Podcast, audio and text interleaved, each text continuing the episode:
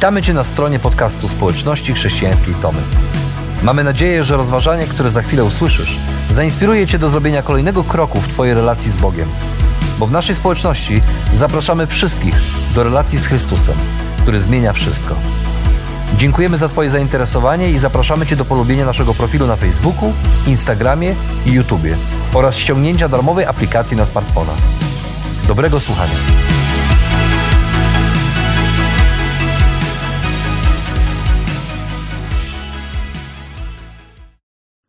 Żałoba narodowa w Belgii po śmierci 20 osób w wyniku powodzi. Co najmniej 133 ofiary śmiertelne, a 3000 zaginionych w Niemczech. Ewakuacja mieszkańców południowo-holenderskiego Venlo i ponad 20 tysięcy interwencji strażaków w ciągu jednego tygodnia w Polsce. A to tylko skrótowy, bardzo suchy bilans ostatniego tygodnia zniszczeń w Europie spowodowany gwałtownymi burzami i opadami deszczu. Meteorolodzy przestrzegają nas, że takie anomalie pogodowe przestają już być powoli anomaliami, że przychodzi nam przyzwyczaić się do tego, że tego typu zdarzenia, sytuacje będą miały miejsce coraz częściej. Nie ma już ucieczki od zmian klimatu, które stają się faktem. Co byśmy nie powiedzieli, przyszło nam żyć w czasach gwałtownych burz i ulewnych deszczy, jakich nie widzieliśmy w tym rejonie świata, w naszym pokoleniu. I również my tu, w naszym mieście, w Tomaszowie, doświadczyliśmy tych burz i opadów i gradów wielkości otwartej dłoni e, w ciągu ostatnich kilku tygodni.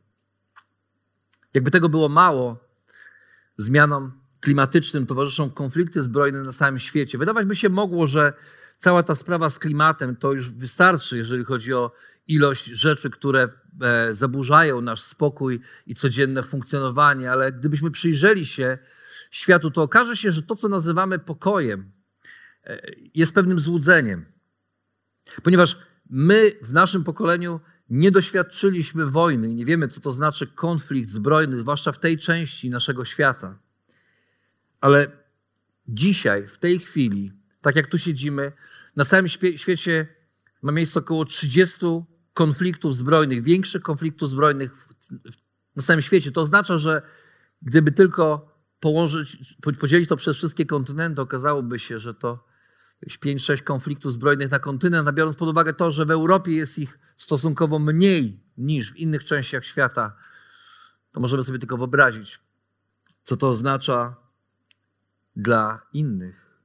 I wspominam o tym, ponieważ powiedziałem, że przyszło nam się, że, że przyzwyczailiśmy się do tego myślenia w kategoriach pokoju, jak gdyby była to oczywistość. Okazuje się, że patrząc na historię świata i patrząc na dzisiejszy świat, konflikt czy pokój jest, jest złudzeniem, który nie wytrzymuje, e, nie wytrzymuje mm, presji argumentu. Ktoś policzył, że w udokumentowanej historii naszego świata ludzkość cieszyła się pokojem przez mniej niż 8% całego czasu.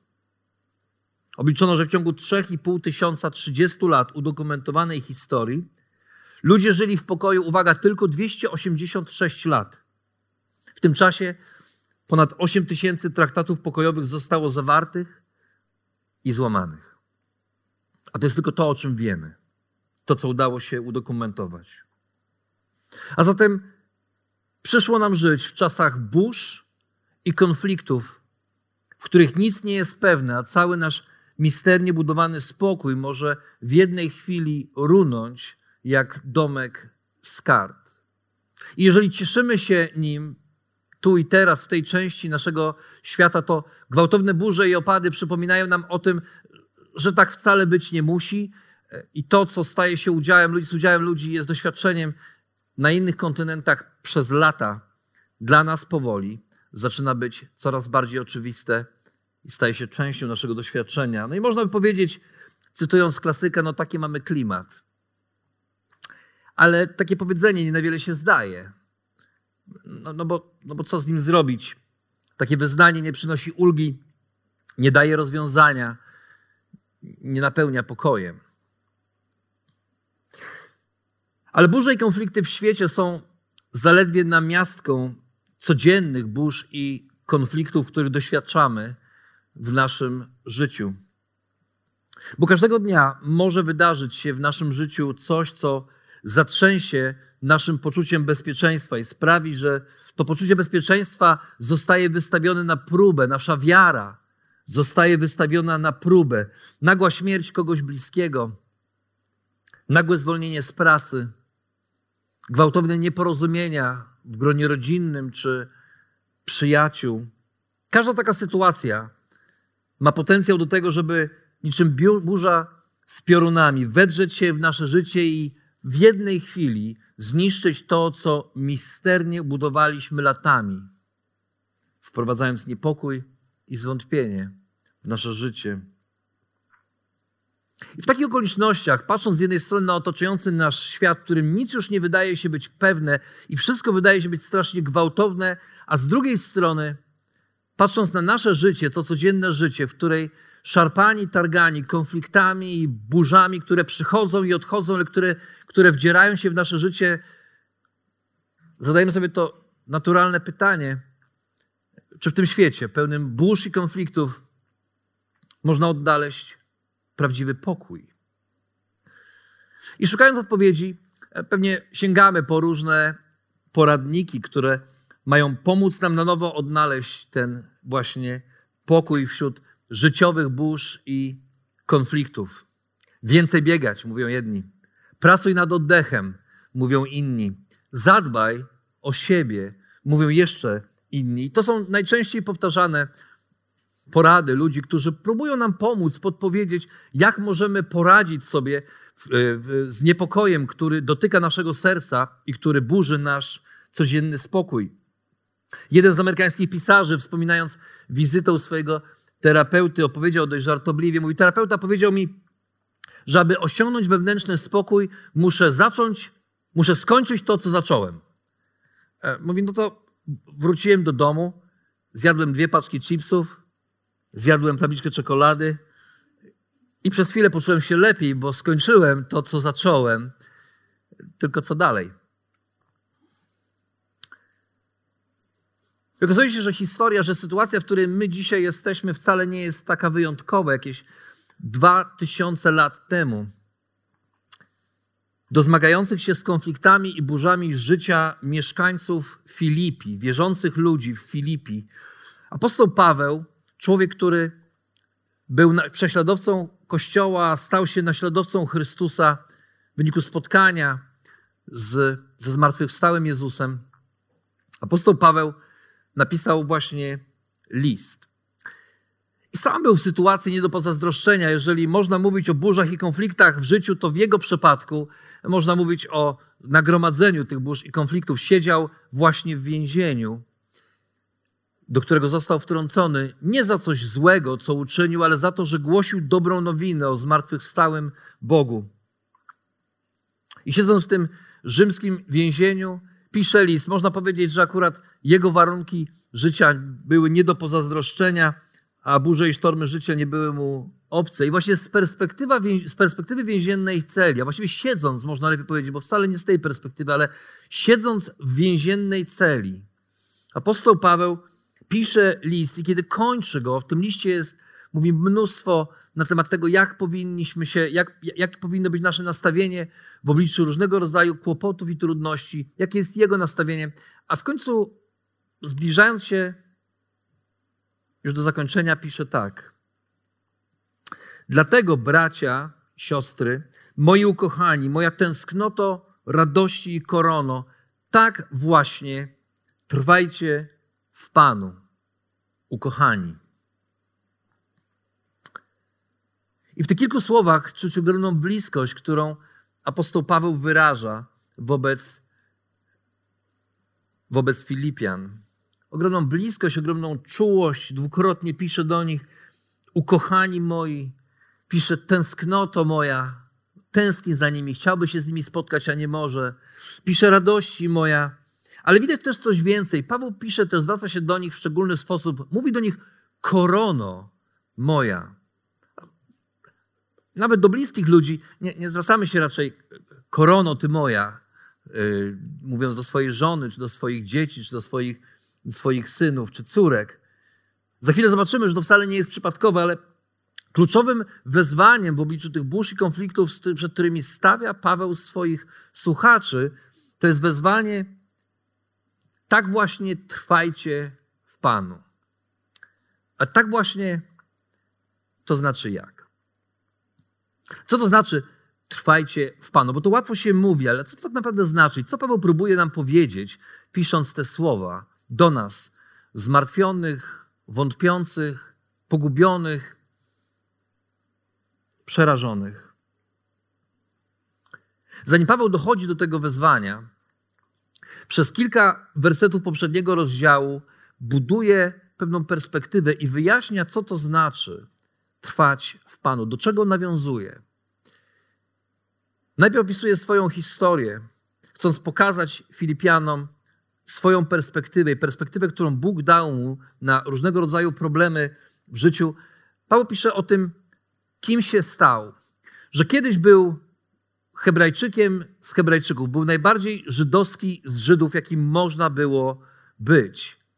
A jednak w pewnym momencie mówi: To wszystko, kim byłem, Żydem przestrzegającym sumiennie prawa, Paweł mówi: To wszystko, kim byłem, uznałem, i dosłownie pisze, uznałem za gnój.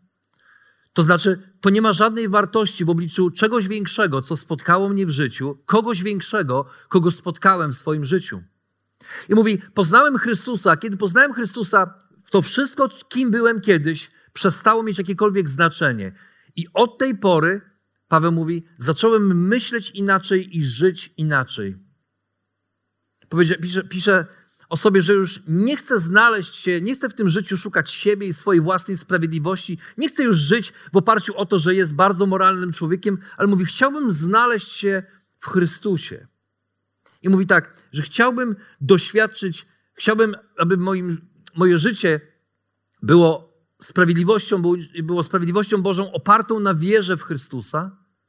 A dalej pisze, chciałbym doświadczyć mocy Jego zmartwychwstania i chciałbym być podobny do Niego w Jego cierpieniach, uwaga, i w Jego śmierci. Po co? Po to, mówi Paweł, żeby doświadczyć zmartwychwstania później. I Paweł mówi: Zdążam do celu. Moja perspektywa na, życie, na życie znacząco się zmieniła. Kiedyś byłem człowiekiem, który swoją wartość i to, kim jestem, pokładał w tym, ile dobrych rzeczy robiłem, kim byłem, z czego mogłem się szczycić, z mojego pochodzenia, rodowodu i z tego, jak moralnie żyłem, przestrzegałem prawa. A teraz Paweł mówi, to wszystko przestało mieć znaczenie. Zacząłem patrzeć przed siebie i mówi: Zdążam do celu, do nagrody w górze. I mówi: Wy razem ze mną, chodźcie razem ze mną, razem biegnijmy w tym biegu. Moja korono chwały. Bo oni stali się Jego koroną, oni stali się Jego największą, największą nagrodą przed Jego życia, zanim stanie przed Chrystusem. Oni stali się, stali się tym najlepszym, co mógł zrobić po tej stronie wieczności, kiedy przeprowadził ich do wiary w Jezusa. I dalej mówi: Nasza ojczyzna jest w niebie, skąd oczekujemy zbawcy, który przemieni nasze ciała. Paweł przez cały ten ostatni fragment, zanim dojdzie do tego wezwania, trwajcie w Panu, mówi o tym, coś się zmieniło w moim życiu. I zamiast patrzeć na to, na to co za mną, patrzę na to, co przede mną. Zamiast rozpamiętywać przeszłość i zamiast zamartwiać się teraźniejszością, patrzę w przyszłość. Mówi to człowiek, który siedzi w więzieniu, który ma świadomość tego, że niechybnie przyjdzie mu zapłacić cenę życia za to wszystko, co zrobił i co głosił o Jezusie. I Paweł patrzy w przyszłość, skupiony na tym, co go czeka po śmierci. I ta wieczna perspektywa, perspektywa nieba skłania go do tego, aby tu i teraz trwał w Panu i zachęcał innych. Trwajcie w Panu, trwajcie w tym, czego się nauczyliście. Nie dajcie się zniechęcić dzisiejszymi burzami, dzisiejszymi konfliktami, dzisiejszymi trudnościami. One są, one przychodzą i odchodzą, ale jest coś, co się nigdy nie zmieni. To jest perspektywa nieba, do którego zdążacie i które stanie się waszym udziałem w chwili tuż po waszej śmierci. I Paweł mówi, to jest perspektywa, która pomaga nam zupełnie inaczej spojrzeć na to, czego doświadczamy tu i teraz. I staje się też pewnym zobowiązaniem do życia, które nie jest możliwe bez Boga. Tym bardziej, że konflikty, jakim Filipianie mieli stawić czoła, nie były wywoływane tylko przez, za sprawą zewnętrznych okoliczności, ale dotyczyły także ich wewnętrznych relacji. I Paweł pisze zaraz w następnych słowach: Zachęcam Ewodię i zachęcam Syntychę, imiona dwóch kobiet, aby były jednomyślne w Panu. Tak, proszę i Ciebie, wierny towarzyszu, pomagaj im. One dla dobrej nowiny zmagały się wraz ze mną, Klemensem i innymi moimi współpracownikami, których imiona są, znowu uwaga, w zwoju życia. Nie wiemy dokładnie, na czym polegał konflikt między Ewodią a Syntychę. Prawdopodobnie obie były członkiniami, na pewno były członkiniami tamtego kościoła tamtej wspólnoty, być może kościół domowy spotykał się, taki był wtedy kościół, oni spotykali się po domach, więc być może ten kościół spotykał się w domu jednej z nich, a może w obu domach, a może pokłóciły się o to, w czyim domu ma, ma się spotkać tę najbliższą niedzielę, a może te problemy były dużo, dużo głębsze. Nie wiemy, nie, nie wiemy, co było naturą ich sporu, ale Paweł niespecjalnie nie zawraca sobie tym głowę, wie, że to jest znane wszystkim tam w Filipie, nie musi tego wyjaśniać. Natomiast widzimy dwie rzeczy w tym krótkim fragmencie, w którym pisze. Po pierwsze, Paweł zachęca obie kobiety, które są siostrami w Chrystusie, nie do tego, żeby się po prostu pogodziły, nie do tego, żeby przybiły sobie piątkę. Ale Paweł mówi: Zachęcam Was, żebyście były jednomyślne w Panu. Żebyście były jednomyślne w Panu. Tu nie chodzi o jakieś pozory pokoju, tu nie chodzi o jakieś przyklepanie czegoś.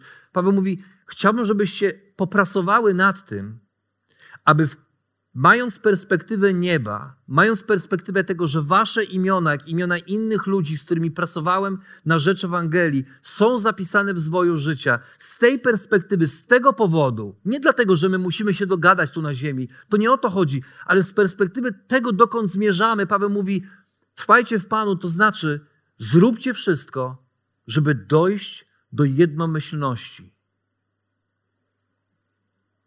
A drugie, Druga rzecz, o której mówi, to to, że one nie są w stanie prawdopodobnie poradzić sobie z tym we dwie. Że potrzeba jeszcze kogoś, kto stanie obok ich i pomoże im, ponieważ one obie prawdopodobnie straciły tę perspektywę, o której pisze Paweł. I znowu Paweł mówi: Wasze imiona są w zwoju życia, w księdze żywota. Dlatego nazywa Filipian swoją koroną. Ponieważ to oni, tak jak już powiedzieliśmy, są największą nagrodą, największą nagrodą jego życia za lata, które poświęcił na głoszenie Ewangelii. I dlatego daje im tę perspektywę, perspektywę nieba. Mówi, to co jest między wami, relacje, które są między wami we wspólnocie, to nie są zwykłe relacje między ludźmi, ale to relacje, które sięgają poza grób. I to zobowiązuje. To są relacje, które mamy z perspektywą wieczności. To zobowiązuje. I ponieważ nasze relacje mają być odbiciem tej niebiańskiej rzeczywistości, której kiedyś doświadczymy, kiedy staniemy twarzą w twarz z Chrystusem i nasze życie, ciało będzie przemienione, ponieważ nasze relacje tu mają być odbiciem relacji, która tkwi w samym Bogu, Paweł mówi: Nie możecie dłużej tak postępować. Musicie dojść do jednomyślności. I dlatego tam, gdzie świat w obliczu burz i zamieszania prowadzi nas do konfliktu, albo w obliczu konfliktu prowadzi do tego, żeby machnąć ręką i pójść swoją drogą, powiedzieć, wiesz co, my się nie rozumiemy. Wiesz co, my się po prostu nie dogadujemy. Paweł mówi, to, to nie jest sposób myślenia w Kościele. Tak nie wolno ze sobą rozmawiać w Kościele. To usiądźmy i się dogadajmy. Jeżeli trzeba, to rozejdźmy się, przemyślmy, usiądźmy wokół słowa, wróćmy, siądźmy wokół słowa i rozmawiajmy. Tak długo, aż w końcu będziemy w stanie spojrzeć sobie prosto w oczy i powiedzieć: Wybaczam ci, przepraszam cię.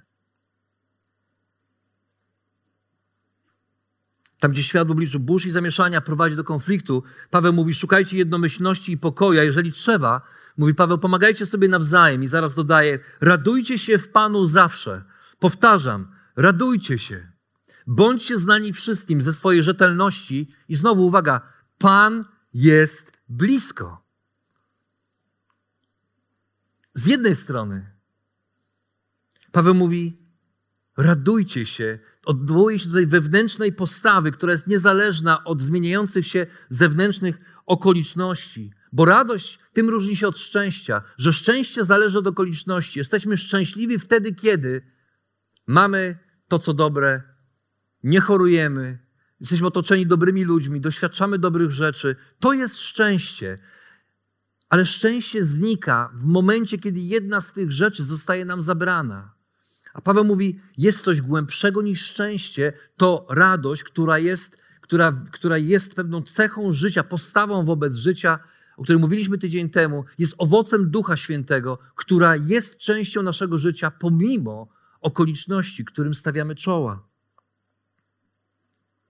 A z drugiej strony, tak jak radość jest tym wewnętrzną, wewnętrzną przemianą naszego serca i odpowiedzią na zmieniające się okoliczności życia, tak Paweł mówi z drugiej strony, w obliczu tych konfliktów, w obliczu burz, w obliczu nieprzewidywalności,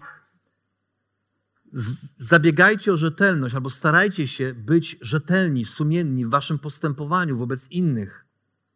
Chodzi o naszą odpowiedzialność, zewnętrzną odpowiedzialność wobec innych ludzi. Konflikty i burze, których doświadczamy, nie mogą być dla nas wymówką do byle jakości w relacjach czy pracy, którą wykonujemy. To, że żyjemy w trudnych chwilach, nie znaczy, że w trudnych momentach, nie znaczy, że powinniśmy powiedzieć, a jakoś to będzie. Nie znaczy, że powinniśmy machnąć ręką w pracy i powiedzieć, a Pan jest blisko. Bóg, Jezus wkrótce przyjdzie i powróci znowu, więc w sumie moja praca nie ma znaczenia, to jak wykonuję swoje obowiązki nie ma znaczenia, to jak buduję relacje nie ma znaczenia, bo Pan jest blisko.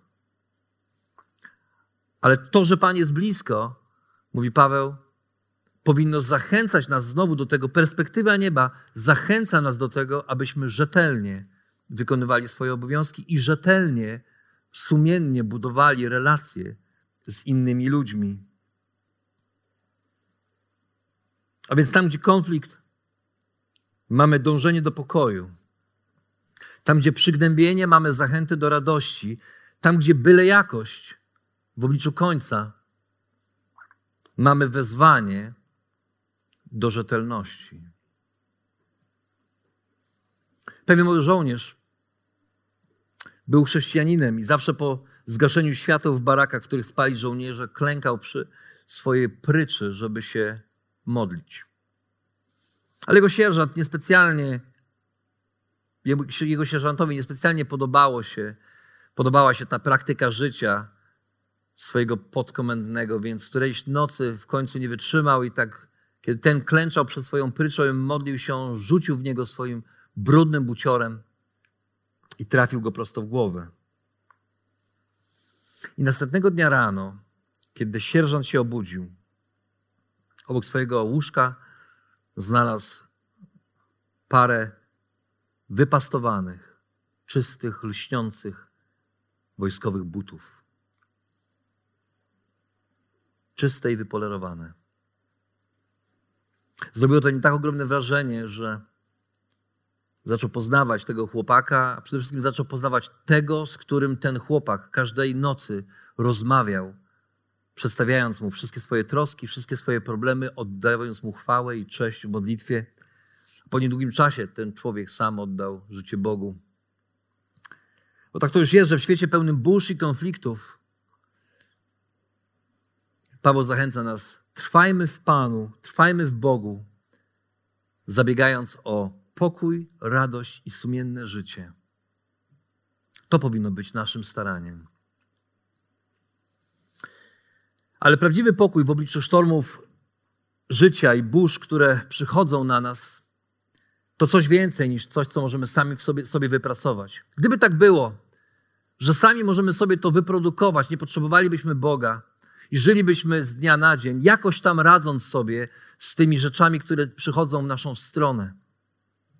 Ale Paweł pisze do nas, podpowiadając, co może się wydarzyć, co powinno się wydarzyć, żebyśmy znaleźli się w miejscu, w którym znaleźć się może tylko człowiek, który pośród niepewności życia był w stanie zaufać Jezusowi. Przestańcie martwić się o cokolwiek, mówi Paweł. Raczej w każdej sprawie, gdy się modlicie i prosicie, z wdzięcznością przedstawiajcie swoje potrzeby Bogu, a pokój Boży, którego nie ogarnie żaden umysł, będzie w Chrystusie Jezusie strzegł waszych serc oraz myśli. Prawdziwy pokój, za którym każdy z nas tęskni, który każdego z nas, który każdy z nas, którego każdy z nas pragnie, zwłaszcza w obliczu burz życia, sztormów i konfliktów, które nami targają albo które rozgrywają się na naszych oczach, to owoc Ducha Świętego, który wykonuje swoją pracę w nas, kiedy w obliczu właśnie zmartwień i trudności zwracamy się do Boga z wdzięcznością, przynosząc Mu swoje prośby. To bardzo ważne. Paweł pisze, z wdzięcznością przynoście swoje prośby. To znaczy, przychodzimy do Boga, pamiętając o tym, kim On jest i pamiętając o tym, co już uczynił w naszym życiu w przeszłości. Na tym polega wdzięczność. Nie tylko na tym, aby przyjść i, i, i mówić, co chce, albo domagać się czegoś od Boga, ale wdzięczność polega na tym, że patrzymy na Boga, przychodzimy do Niego w trudnych chwilach i mówimy, Boże, jest jak jest. Ale pamiętam, jak w przeszłości okazałeś się Bogiem, który przeprowadził mnie w najtrudniejszych chwilach mojego życia. Wiem, co zrobiłeś, wiem, ile mi dałeś, wiem, kim jestem, wiem, w jakim miejscu mnie postawiłeś. I z taką postawą, Paweł mówi, możemy przyjść do Boga, prosząc Go o co tylko chcemy, o co tylko potrzebujemy, czego tylko potrzebujemy. I Paweł mówi, w takich chwilach możemy doświadczyć Bożego pokoju, o którym czytamy, że nie ogarnia go żaden umysł. To znaczy, to jest coś, czego sami nie rozumiemy, kiedy tego doświadczamy. Ani my, ani ludzie wokół nas, którzy widzą ten pokój w naszym życiu. A ten pokój Bóg czyni w nas w mocy swojego ducha. Ten pokój, który Bóg czyni w nas, jest niczym strażnik, pisze Paweł. To jest strażnik. Pokój jest strażnikiem naszych serc i naszych myśli, żebyśmy nie popłynęli w niewłaściwą stronę, żebyśmy nie zaczęli się znowu zamartwiać, rozpamiętywać złe rzeczy. Paweł mówi: Ten pokój, który przychodzi na Was, pokój, który pochodzi od Boga, który jest owocem Ducha Świętego, on strzeże naszych serc i myśli, abyśmy nie popadli w użalanie się nad sobą, w zamartwianie się, ale trwali w Panu i doświadczyli Jego mocy pomimo trudnych okoliczności życia. Ktoś kiedyś powiedział, Pokój pojawia się nie z powodu nieobecności zagrożenia, ale dzięki obecności Bożej. Wiedzą o tym ci z nas, którzy w samym środku życiowej zawieruchy doświadczyli tego niezrozumiałego wręcz pokoju. Wiedzą o tym ci z nas, którzy w samym środku ciężkiej choroby kogoś bliskiego doświadczyli absolutnie ponadnaturalnej Bożej obecności, a inni patrząc na nas myśleli sobie, jak ty możesz być tak spokojny?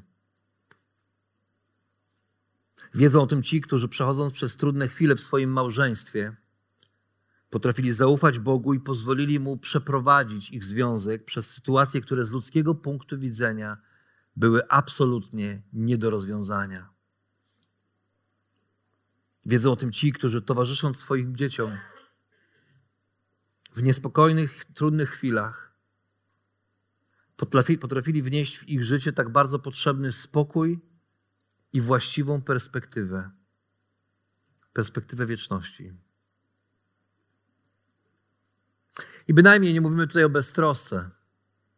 Nie mówimy o tym, że w obliczu trudności i kłopotów należy założyć ręce i udawać, że nic się nie ma do zrobienia, że nie musimy nic robić, tak możemy czekać po prostu na to, że Bóg może coś zrobić. Trudne chwile wymagają reakcji z naszej strony. Wymagają tego, abyśmy szukali pomocy czy wsparcia, ale żadna pomoc ze strony drugiego człowieka nie jest w stanie wnieść w nasze życie pokoju, o którym Paweł pisze, że przekracza ludzkie zrozumienie. Tak, ludzie mogą być pomocni. Tak jak Paweł pisał wcześniej do Ewodii i Syntychę, musicie szukać pomocy kogoś z zewnątrz i prosi, hej wy, ludzie, ludzie obok nich, którzy mi towarzyszycie, pomóżcie im. I to jest mądre.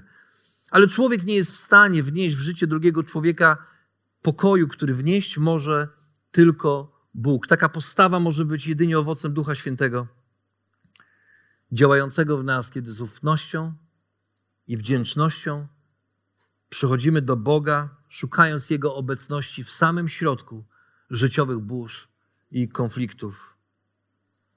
I w takim momencie Boży pokój pozwala nam zmienić perspektywę, której efektem jest najpierw zmiana myślenia, a później zmiana całego naszego postępowania. Dlatego Paweł pisze w końcu, bracia, siostry, rozmyślajcie o tym, co prawdziwe, szlachetne, sprawiedliwe, czyste, miłe, godne polecenia, co może uchodzić za wzór i zasługuje na uznanie. Paweł pisze, myślcie o dobrych rzeczach w samym środku zawieruchy i sztormu. Myślcie o tym, co dobre, nie o tym, co złe. A potem dodaje, wprowadzajcie w życie to, czego nauczyliście się, co przejęliście, o czym usłyszeliście i co widzieliście u mnie, a Bóg pokoju będzie z wami. I taki Boży pokój, który Bóg daje nam w chwilach zawieruchy i zamieszania, staje się dla nas impulsem do zmiany myślenia. Kiedy doświadczamy Boga i Bożego pokoju, możemy zacząć myśleć inaczej. Możemy przestać myśleć o tym, co nas przygnębia, męczy i frustruje, ale możemy skupić się na tym, co prawdziwe, szlachetne, sprawiedliwe, czyste, miłe, godne polecenia, co może uchodzić za wzór i zasługuje na, uz- na uznanie. Bo nie jest sztuką w chwilach zamętu napędzać się złymi myślami o innych. Nie jest sztuką doszukiwać się drugiego, trzeciego i czwartego dna. A dlaczego on tak powiedział? A dlaczego ona tak powiedziała? Nie jest sztuką rozpamiętywać zło, którego doświadczyliśmy, albo myśleć źle o ludziach, którzy wyrządzili nam krzywdę, albo doprowadzili nas do tego, że znaleźliśmy się w samym środku takiej trudnej sytuacji. To nie jest sztuka, to potrafi być każdy człowiek. Ale sztuką jest w samym środku burz i kłopotów życia skupić się na tym, co dobre, zakładać dobre intencje, myśleć o tym, co szlachetne, czyste i miłe. A za zmianą myślenia idzie to zmiana postępowania. Nie tylko myślimy o tym, co dobre, ale robimy to, co dobre. Nie tylko nie zakładamy złych intencji, ale wyjaśniamy rzeczy, które należy wyjaśnić. Nie tylko myślimy o tym, jak należałoby szlachetnie postąpić, ale staramy się postępować szlachetnie. I taka postawa nie jest bynajmniej rezultatem braku zagrożenia czy kłopotów w naszym życiu, ale jest wynikiem obecności Bożej, która poprzez swojego ducha daje nam moc do stawienia czoła temu czy innemu zagrożeniu czy kłopotom, przez które przechodzimy. A kiedy Boży pokój, którego doświadczamy, staje się zalążkiem nowego myślenia i nowego postępowania, Bóg daje nam obietnicę, że Jego pokój będzie nam towarzyszył każdego dnia. Był pewien król, który ogłosił nagrodę dla artysty, który namaluje obraz najpiękniej przedstawiający pokój. Wielu próbowało, ale królowi spodobały się tylko dwa obrazy. Pierwszy z nich przedstawiał spokojne jezioro. W gładkiej tafli jeziora odbijały się otaczające to jezioro piękne góry oraz niebo, prawie bezchmurne, a te chmury, które były na tym niebie, były białe, puszyste. Wszyscy patrząc na ten obraz uważali, że przedstawia on doskonały obraz pokoju. Na drugim obrazie też było widać góry, ale tym razem ich wierzchołki były ostre i postrzępione. Nad nimi rozpościerało się ciemne, wzburzone niebo spadającym deszczem i rozświetlającymi je błyskawicami. Na zboczu gór Widać było spieniony wodospad i nic w tym obrazie nie przypominało pokoju. Ale kiedy król przyjrzał się bliżej, zobaczył tuż za wodospadem mały krzak rosnący w skalnej szczelinie, a w tym krzaku ptaka, który uwił swoje gniazdo w samym środku tej całej zawieruchy. I król patrząc, wybrał ten drugi obraz i powiedział: Ponieważ pokój nie oznacza bycia w miejscu, w którym nie ma hałasu, problemów czy ciężkiej pracy. Pokój oznacza znaleźć się w samym środku tego wszystkiego i wciąż cieszyć się pokojem w swoim sercu. I to jest właśnie, powiedział król, prawdziwy pokój. A taki pokój jest możliwy tylko wtedy, kiedy pomimo okoliczności żyjemy z perspektywą nieba, szukając Boga i robiąc to, co się Jemu podoba, pomimo okoliczności. Dlatego w świecie pełnym burz i konfliktów, zamiast martwić się czy zamartwiać się, z wdzięcznością szukajmy Boga, który jest gwarantem naszego pokoju, przemienia nasze myśli i postępowanie. W roku 1871 w Chicago wybuchł ogromny pożar, który zniszczył znaczną część miasta. Jeden z jego mieszkańców był Horatio, Horatio Spafford, który postanowił na czas odbudowy wysłać swoją żonę i cztery córki do Europy. W tym czasie oczywiście nie latano, podróżowano statkiem, więc on odprowadził swoją żonę i córki na statek. Ale ten statek zdołał przepłynąć zaledwie połowę oceanu. Pewnej chłodnej listopadowej nocy zderzył się z innym statkiem i rozpadł na dwie części. Horacio był w Chicago, jego żona i cztery córki na tym statku. W straszliwym popłochu pani Spafford zdołała tylko zauważyć, jak potężna fala w jednej chwili zmyła z pokładu jej cztery córki w otchłań oceanu. Po chwili zaś uderzona walącym się masztem sama straciła przytomność. Szczęśliwie jednak zdołano ją uratować. Kiedy dopłynęła do portu w Walii, wysłała telegram zawierający tylko dwa słowa po angielsku. Saved alone. Co znaczy uratowano tylko mnie.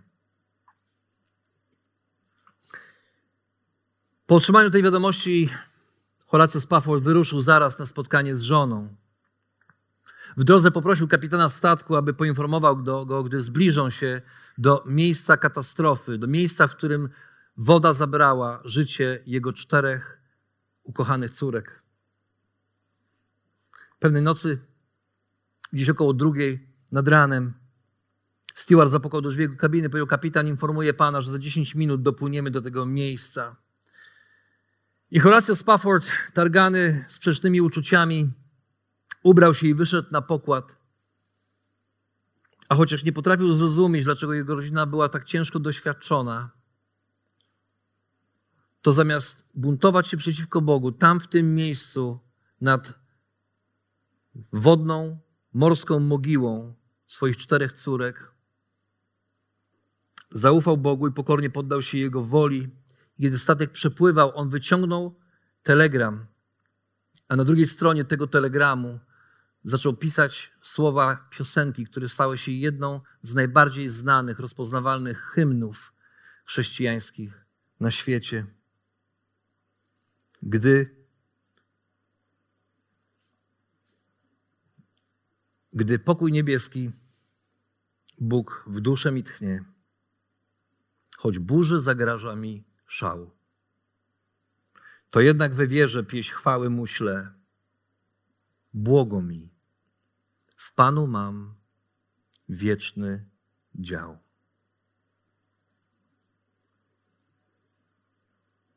Taki pokój jest możliwy tylko wtedy, kiedy pośród burz i konfliktów naszego życia potrafimy, tak jak Horace Spafford, uchwycić się nadziei wieczności i z tej perspektywy przyjść do Boga z wdzięcznością, prosząc o to, aby zmienił nasze myślenie i nasze działanie, nasze postępowanie. I za chwilę będziemy śpiewać tę pieśń. Być może niektórzy z Was jej nie znają, ale to nie szkodzi. Będziemy śpiewać tę pieśń, którą Horace Spafford napisał na odwrocie telegramu, przepływając nad morską mogiłą swoich czterech córek. A kiedy będziemy ją śpiewać, zachęcam nas do tego, żebyśmy mogli przez chwilę wspomnieć burze i konflikty, które były naszym udziałem w przeszłości, ale nie po to, żeby je znowu rozdrapywać, ale po to, żebyśmy mogli przypomnieć sobie, w jaki sposób Bóg przeprowadził nas przez te chwile, albo może dzisiaj jesteś właśnie w takim momencie, w samym środku burzy, zawieruchy i konfliktu.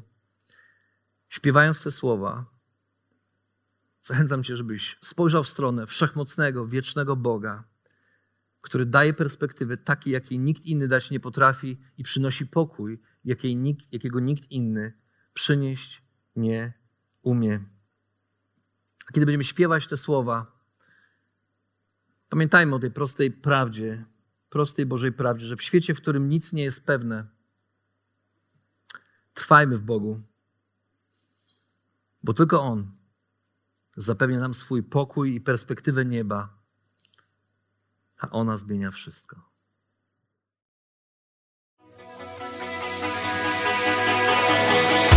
Jeszcze raz dziękujemy za wysłuchanie naszego rozważania. Jeżeli mieszkasz w okolicach Tomaszowa Mazowieckiego lub Łodzi, zapraszamy Cię do odwiedzenia nas na niedzielnym nabożeństwie. Więcej informacji znajdziesz na stronie schatomy.pl.